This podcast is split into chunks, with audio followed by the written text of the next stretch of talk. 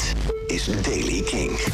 Vandaag is er veel bewolking in het oosten met af en toe ook wat motregen. Af en toe wat zon. Daarvoor moet je in het westen zijn. Het wordt zo'n 6 graden in het zuiden van Limburg en 9 in het noorden. Nieuws over Razorlight en Brian Fallon. Dit is de Daily King van maandag 17 januari. Michiel Veenstra. Brian Fallon, voormalig frontman van de Gaslight Anthem, tegenwoordig solo, heeft bekendgemaakt dat hij het classic album van de Gaslight Anthem, de 59 Sound, volledig live zal spelen tijdens een livestream.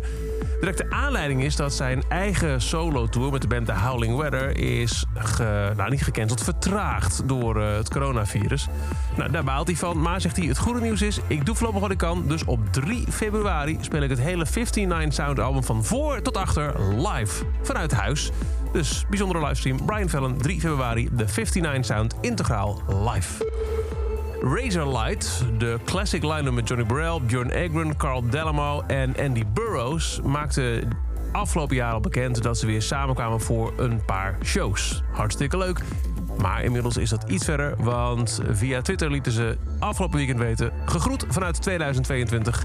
We zijn hier in Gloucestershire hard aan het werk aan album nummer 5. Jazeker, we konden een nieuw album verwachten van Razorlight. De reunie gaat verder dan alleen wat live shows.